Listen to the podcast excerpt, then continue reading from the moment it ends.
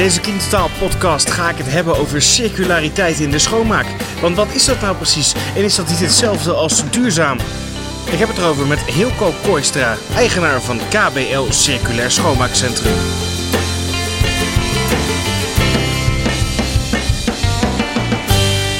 Gast bij KBL Circulair Schoonmaakcentrum. Uh, bij eigenaar Hilco Kooistra.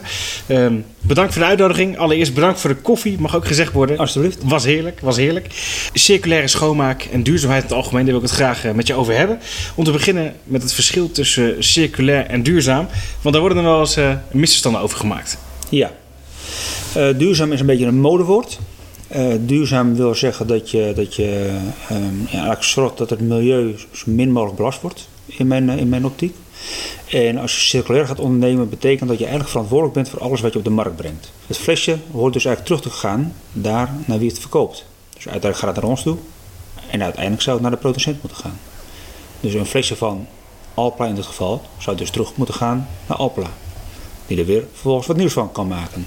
Dat is de circulariteit kan het dan dat die termen zo vaak door elkaar heen worden gebruikt? Je ziet het nu bijvoorbeeld in die reclame van, van ABN AMRO, waarin wordt gezegd circulair ondernemen, oftewel duurzaam. Is uh, het marketingbeleid van al die grote bedrijven de oorzaak geweest van de onduidelijkheid die er nu is? Uh, nee, het is een modewoord. En het wordt gebruikt en misbruikt om er geld mee te verdienen. En geld verdienen, dat, dat moet. Weet je, dat, dat, dat is onze, onze economie nou eenmaal. Maar je kan op verschillende manieren kan je geld gaan verdienen. Je kan geld gaan verdienen door intrinsiek erin te staan. Of je kan geld verdienen door er niet intrinsiek in te staan. Dat houdt in, uh, je doet het uit gevoel of je doet het uit commerciële beweging. En wij doen het uit, uh, uit gevoel. En dat is wat KBO anders maakt dan, dan andere schoonmaakgroothandels die dan uh, het labeltje duurzaamheid ergens opplakken? Dan de meeste groothandels inderdaad, ja. we kunnen allemaal een duurzaam product verkopen, maar het gaat erom, uh, wat kun je nog meer voor je klant betekenen. Uh, gaat je klanten bepalen wat je gaat uh, verkopen of ga je het zelf bepalen? En wat er nu gebeurt is dat de klant bepaalt wat jij verkoopt. Uh, wij hebben het omgedraaid en wij bepalen wat wij verkopen. Dus we moeten keuzes maken. En we hebben keuzes gemaakt voor duurzaamheid en, en circulariteit. Betekent dat dat ik, als ik uh, bij KBL kom als, als, als schoonmaakbedrijf en ik zou product X willen, uh, willen hebben, dat dat niet geleverd zou kunnen worden? Klopt, ja, die keuze hebben we gemaakt. Ja. En hoe wordt erop gereageerd? Uh, soms kunnen wij dat overzetten naar een, uh, naar een uh, duurzaam product. En een enkeling zegt van wij willen per se dat product hebben.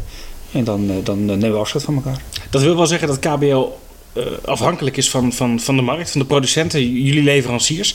Want als het er niet is, dan is het er niet. Nemen jullie zelf dan een voortrekkersrol in om mee te denken en andere oplossingen aan te reiken? Of anders naar een schoonmaakvraagstuk te kijken? Ja, um, eigenlijk is alles er wel. Alleen je moet het even zoeken. En de zoektocht naar een, een goed en duurzaam en uh, ecologisch product uh, is lang, maar uiteindelijk is dat er wel.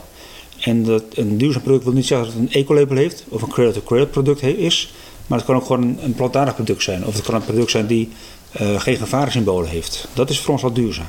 Maar in hoeverre zijn die, zijn die ecolabels dan nog relevant? Ja, de, de vraag stellen en beantwoorden. Ik weet het niet. De tijd is rijp om van je, van je labels af te gaan stappen. Uh, ik zie labels niet als een. Uh, laat ik zo zeggen, de producten gaan sneller dan de ecolabels. Mm -hmm. En uh, voor een ecolabel betaal je natuurlijk heel veel geld. Terwijl er best wel mooie producten zijn die geen ecolabel hebben, die een beter product zijn voor, uh, voor de natuur. Kun je een aantal voorbeelden noemen?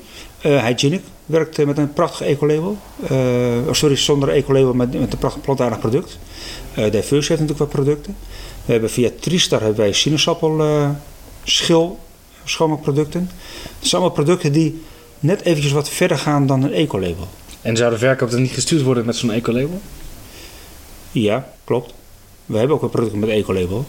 Maar er zijn gewoon producten die beter zijn dan een ecolabel producten waar een label op zit, is dat een extra vraag naar vanwege wellicht de grotere bekendheid of, of nee, uh, de nee. bewezen effectiviteit om er even tussen haakjes te plaatsen? Nee, uh, de schoonmaakbranche is niet gebaat bij een eco-label. Tenminste, men vraagt niet altijd naar. Die vragen ja. gewoon een goed, goedkope product, hè, want het gaat allemaal bij hun uh, uit de marge. Wij, wij triggeren dat. Wij triggeren dat door dat soort producten mee te nemen, zeepjes, de schoonmaakmiddeltjes van sinaasappel, omdat het heel anders is. En omdat het anders is, kun je de mindset kun je gaan veranderen. En dan gaan ze nadenken, hé, hey, dat is toch wel interessant. En de klanten van schoonmaakbedrijven vragen er ook om. Dus wij kunnen altijd een, een, eh, iets laten zien wat er al is. En dat is wel, dat, dat is wel leuk. En wat ik interessant vind, je zegt eh, goedkoop. Het gaat altijd af van de marge, maar zodra het woordje duurzaam of circulair om de hoek komt kijken, eh, dat bijna gelijk een hogere prijs. Maar dat, dat hoeft dus niet zo te zijn. Nee, dat hoeft niet zo te zijn. Maar dat is de zoektocht die je hebt. Hoe meer afname je hebt, hoe goedkoper een product wordt. Dus je, dus je hebt massa nodig. Eh, zolang de producenten ook de massa niet opzoeken, want dat is ook natuurlijk een verschil. Hè? Je, kan, eh, je kan dus weer de vraag krijgen, of je gaat de vraag creëren. Dat zijn twee verschillende dingen. Je kan ook dingen niet gaan produceren en dingen wel. Dus je, je mindset zal anders moeten. Om als schoonmaakbedrijf nou, nou, nou duurzaam te zijn, wat is eh, de, de, de eerste stap die gezet kan worden? Is dat het overschakelen naar middelen met een lagere totale footprint? Of is dat. Eh, alles wat, wat al ecologisch is dan wat ze nu gebruiken. Dus als we bijvoorbeeld nu bleekmiddel gebruiken, nou, dan is alles wat je vervangt, is dat duurzaam. Ja. Dus het hoeft niet zozeer te zijn dat je zegt van we moeten naar een eh ecolabel product toe. Maar het kan best zijn dat er een regulier product al milieuvriendelijker voor hun is. Dus alles wat, wat een plus is, een upgrade is, is, zou goed kunnen zijn. Dus dat wil niet zo zeggen dat, dat je per se plantaardig moet of, of ecolabel moet. Dat hoeft helemaal niet. Dus, dus in wezen zeg je, een goed begin zou al zijn om eh, met z'n allen juist te gaan doseren. Ja, dat zou het allerbeste zijn natuurlijk. Ja, ja. En dat liefst dan nog in een sprayflacon. Wat is de rol van, van het schoonmaakbedrijf als je kijkt naar ehm, de positie bij bijvoorbeeld een opdrachtgever? Het is natuurlijk de eerste partij in de lijn vaak voor, voor de afvalinzameling. Is daar een prominente rol weggelegd of maken wij die rol soms groter dan wat die in werkelijkheid is? Ik denk dat het, eh, dat het wel weggelegd zou kunnen zijn. Als een schoonmaakbedrijf daar... eh, een schoonmaakbedrijf kan daar een verschil mee maken. Hetgeen wat wij doen is dus de flesjes terughalen, ook voor het schoonmaakbedrijf.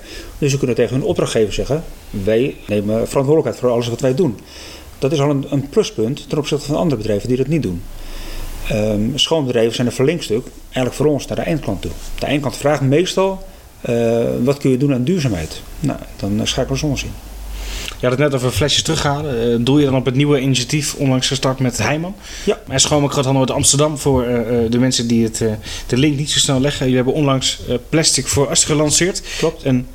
Ophaal- en recycle-service voor ehm, HDPE schoonmaakflacons. Klopt. Ja, eh, het initiatief eh, is eigenlijk eh, twee jaar geleden door, door ons eigenlijk een beetje begonnen. Eh wij zijn begonnen met uit intrinsieke motivatie door teruggaan van flesjes, omdat wij vinden dat wij verantwoordelijk zijn.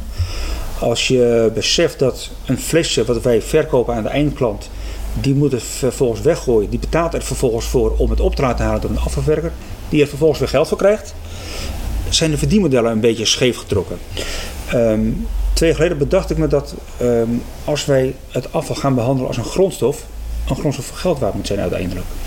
Nou, dat is dan eh, eh, tot twee weken geleden gebleken dat alles wat wij shredderen is geld waard, maar je hebt massa nodig. Eh Heijman is daar ook al mee bezig met bepaalde klanten van hun. En alleen kunnen wij de massa niet maken. In een samenwerking met een concurrent kunnen wij dat wel. Dus Heijman en KBL hebben de, de koppen bij elkaar gestoken en hebben dit initiatief eh, gelanceerd. Wat eh, heel apart is, omdat je natuurlijk twee concurrenten bent. Maar goed, het kan elkaar ook erg aanvullen. Dus wat jullie doen is na gebruik eh, lege schoonmaakflacons ehm, inzamelen. Ja. Ehm, vervolgens ophalen wanneer nieuwe schoonmaakmiddelenmaterialen worden geleverd. Ja, shredderen en weer aanbieden als nieuwe grondstof bij een derde partij. klopt. En eh, die derde partij, is die, is die al bekend? Die is al bekend, mag ik hem nog niet noemen, want we zijn bezig met z'n drieën om van de HDPE eh, een nieuw product te kunnen maken. Dus die gesprekken lopen nu. Want wat zou het, eh, in het ultieme doel, wat zou ehm, er ontst- kunnen ontstaan vanuit Plastic Force? Alles, dat je een bepaalde communie kan opstarten dat, dat andere groothandels zich gaan aansluiten bij ons. Want het is niet alleen van Heijman en van KBL. Nee, eigenlijk zou, eh, zouden, eigenlijk alle groothandels zouden, zouden mee kunnen en moeten doen. Om zo met z'n allen een verschil te maken. Dan gaan iets van 60 miljoen flacons in Nederland worden er, eh, worden er weggegooid per jaar. Als we dat kunnen shredderen en we kunnen met z'n allen weer een nieuw product maken wat we met z'n allen weer kunnen verkopen. Hoe circulair kun je het hebben? Het enige wat ik mij afvraag, eh, dit, dit is in, in wezen duurzaamheid ten top. Als eh, het, het schoonmaakmiddel zo duurzaam als mogelijk is, ehm, no- noem even bijvoorbeeld plantaardig. Ehm, de flacon is volledig recyclebaar, wordt, wordt ingenomen en eh, wordt ook zo meest efficiënt weer teruggebracht als een nieuw product, als nieuwe grondstof. Dan zouden organisaties als bijvoorbeeld duurzaamheidspionier Werner Remetsi toch al lang iets mee gedaan moeten hebben. Waarom is het zo dat jullie dan nu pas al in 2019 de eerste zijn? Dat vind ik verrassend, snap je dat? Ja, dat snap ik eh, wel zeer, omdat iedereen zijn eigen belang heeft. En iedereen heeft een excuus om iets niet te doen. En als je, als je, als je van het negatieve uitgaat, van eh, het kost me oftewel geld of een excuus als CO2-uitstoot, want dan gaan we met lege flacons. Wij hebben de oplossing. We hebben wel met Werner Metz gezeten en met andere partijen om tafel. En eh, die hadden allemaal een motivatie om het niet te doen. En het enige wat ik me bedacht is, geef me nou een motivatie om het wel te doen. Want het kan namelijk. Wij doen het al. Waarom doen we het nou niet samen? En ehm, ja, we kregen daar geen trigger. eh. het was alleen maar, eh, het kan niet omdat, omdat, omdat. Ja, er zijn meer redenen waarom het wel zou kunnen. Want wat zijn, de, wat zijn de genoemde redenen waarop het niet zou kunnen? Eh, men denkt te moeilijk. Men denkt vanuit zichzelf. Dus ehm, wat kan het mij opleveren? En als het, nou, niets, want het kost tijd, het kost geld, het kost, de chauffeurs kosten natuurlijk wat extra handelingen. Ehm, vanuit die motivatie doen ze het niet. Ze zien dus niet wat het op kan leveren uiteindelijk. En uiteindelijk kan het heel veel goeds opleveren. Het zit, eh, zit erin door te doen. Puur doen. Wij halen onder andere handdoekpapier terug. Wij halen dus de flacons we terug. Door die twee stromen eh, terug te nemen, ontzorg je aan de klant. Die heeft minder afval. Wij kunnen van het papier eh, gaat terug naar WEPA, zodat ze er weer nieuw papier van kunnen maken. De flacons zijn we bezig om daar ook weer wat eh, moois van te maken. Je moet gewoon dingen gaan doen. Alleen maar praten, dat lukt niet. Want daar, daar kom je toch niet, eh, niet mee uit. Jij verwacht dan ook als, als circulair ondernemer, als, als trendsetter binnen de schoonmaak, om het even zo te noemen, ehm, dat de schoonmaakorganisatie van een reactieve rol naar, een- naar een proactieve rol gaat. Ja. En, en trendsettend kan zijn voor, voor opdrachtgevers. Juist, want de schoonmaker heeft altijd een afvalzak in zijn hand. Elke schoonmaker in Nederland heeft wel een keer een afvalzak in zijn hand. Dus daar begint natuurlijk de afvalscheiding. Dus ja, Zouden we dit niet veel meer vanuit de overheid moeten stimuleren? ja. Ja, maar die, laten, die, die, die trekken hun, eh, hun handen ervan af. Want je kan natuurlijk heel simpel bedenken dat je eh, je CO2-uitstoot veel minder kan maken. Ehm, de overheid stimuleert niet, die laat het aan het bedrijf over. Ehm, als de overheid ga- gaat stimuleren, betekent dat het geld gaat kosten. En nu investeren wij als KBL en Heeman in dit geval eh, eh, geld in hetgeen wat wij aan het doen zijn. Dat is puur uit, eh, uit, eh, eh, uit onszelf. Klinkt als een weg met hobbels, circulair ondernemen. Gigantisch. Zoeken, zoeken, zoeken. En uiteindelijk eh, vind je de juiste mensen bij je om, eh, om een klein verschil te kunnen maken. En eh, als je één bedrijf zoals Heeman erbij hebt, weet je, dan ga je een groot verschil maken. En zo ga je steeds eh, zoeken en blijven zoeken. En uiteindelijk gaan de mensen zich aansluiten. Want ze kunnen niet achterblijven. Want wij doen iets wat, wat nog nooit gedaan is. En ehm, ook hun klanten gaan als afvragen van... hé, hey, dat vinden we ook wel interessant. En niet eens misschien uit milieuoverweging, maar misschien uit kostenbesparing. En wij kunnen daar gewoon wat mee. Dus wij maken de klant duurzamer. In plaats van dat de klant duurzaam wil. En toch denk ik, als ik het mis heb, hoor ik het graag, dat eh, eh, schoonmaakbedrijven voornamelijk hun duurzaamheid kunnen, kunnen verbeteren door vooral efficiënter te werken, minder kilometers te maken, logischer Ja. te plannen. En dat het vervangen van, van reinigingsmiddel X door reinigingsmiddel Z een heel klein, misschien wel geneuzel in de marge is. Dat zou zo kunnen zijn. Alleen de schoonmaakwereld heeft natuurlijk een redelijk slechte naam. Omdat alles om geld draait. In het stelen van uren. In het, weet je, daar is de schoonmaak toch zo allemachtig. ehm, die heeft daar zo'n stugge naam door gekregen. En dat is zo lastig om het weer terug te halen. Dus ze zijn nog bezig met hun, met hun ja, zeg dat? hun core business, schoonmaken. En met wat voor producten doen, is eigenlijk niet belangrijk. Daarom zijn bedrijven zoals wij ervoor om ze dat eh, te laten zien. Dat er eh, dan maar met hetzelfde eh, niveau van schoonmaken wel eh, wat, wat, wat duurzamer zou kunnen. Stug doorgaan. Gewoon stug doorgaan, want anders red je het niet. En het is hartstikke leuk natuurlijk om te, om te doen. En we gaan niet heel Nederland kunnen bedienen, dat willen we ook helemaal niet. Maar we willen puur die klanten die kiezen voor duurzaamheid en die ons vinden daarin. Over vijf jaar, waar kijken we over terug? Dat we denken, nou, dat we dat in hemelsnaam toen nog op zo'n manier deden. Eh, ik denk dat, eh, dat iedereen zelfstandig nog zijn- vervoersbewegingen maakt. Ik heb een tijdje geleden bij een concurrent gezeten. En eh, ik zit heel af en toe zit ik in zo'n, bus van ons. En dan ging ik naar Groningen toe. En dan rijd ik naar Groningen toe en dan ga die concurrent haal ik in. En we zijn ook helemaal gek met z'n allen. Ik bel die gast op. Ik zeg, even met je praten. Ik ga er zitten. Ik zeg, waarom kunnen we dat dan niet samen doen? Meer stops, minder kosten. Het is allemaal win-win. Het is al- altijd een win-win-win situatie. En hij zegt van, eh, ja dat wil ik wel, maar dan moet je alles bij mij kopen. En dan ga je het met mij pakbon doen.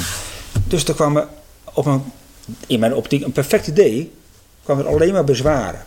Alleen maar ikke, ikke, ikke, niet samen. Hoe kunnen we dat samen oppakken? Maar hoe gaan wij het doen? Dus ik denk dat er heel veel eh, te verdienen valt en in gezamenlijk vervoeren. Ik denk dat dat de allergrootste... Dus één, één schoonmaakpakhuis eh, op de kruising van de A27 en de A12, midden in Nederland, midden in Utrecht, waarin alles te vinden is van, van, van toiletpapier, handdoekdispensers tot afvalbakken, reinigingsmiddelen. Ja, het is alsof je mijn gedachten hebt gelezen. Dat is waar je naartoe zou moeten. Hoe mooi is het als je inderdaad A7 Utrecht, dan wordt het pakhuis van 20.000 vierkante meter gemaakt. En elke leverancier brengt daar zijn spul in. Vervolgens, ehm, en wij hebben als elke groothandel kunnen daarin zitten participeren. We kunnen hier blijven. Wij kloppen een ordertje in, in het magazijn. Dat het magazijn denkt van oké, eh, dat is voor KBL, dat is voor HZ, dat is voor Heijman, dat is voor Weska. Gaat er één bus en dat gaat naar Groningen toe, naar Zeeland. Hoe simpel kan het zijn? Over vijf jaar zal misschien te vroeg zijn, maar dan denk ik wel dat je als zelfstandig bedrijf, eh, bedrijven samen je vervoersbereiding kan maken. En gewoon puur omdat ehm, de steden dat vragen. Minder vervoersbereiding in de stad. Nou, dat kun je alleen maar doen door samen te gaan. Tot zover deze Clean Totaal podcast. Wilt u nou dagelijks op de hoogte gaan worden van het laatste nieuws uit de schoonmaak? Check de website www.cleantotaal.nl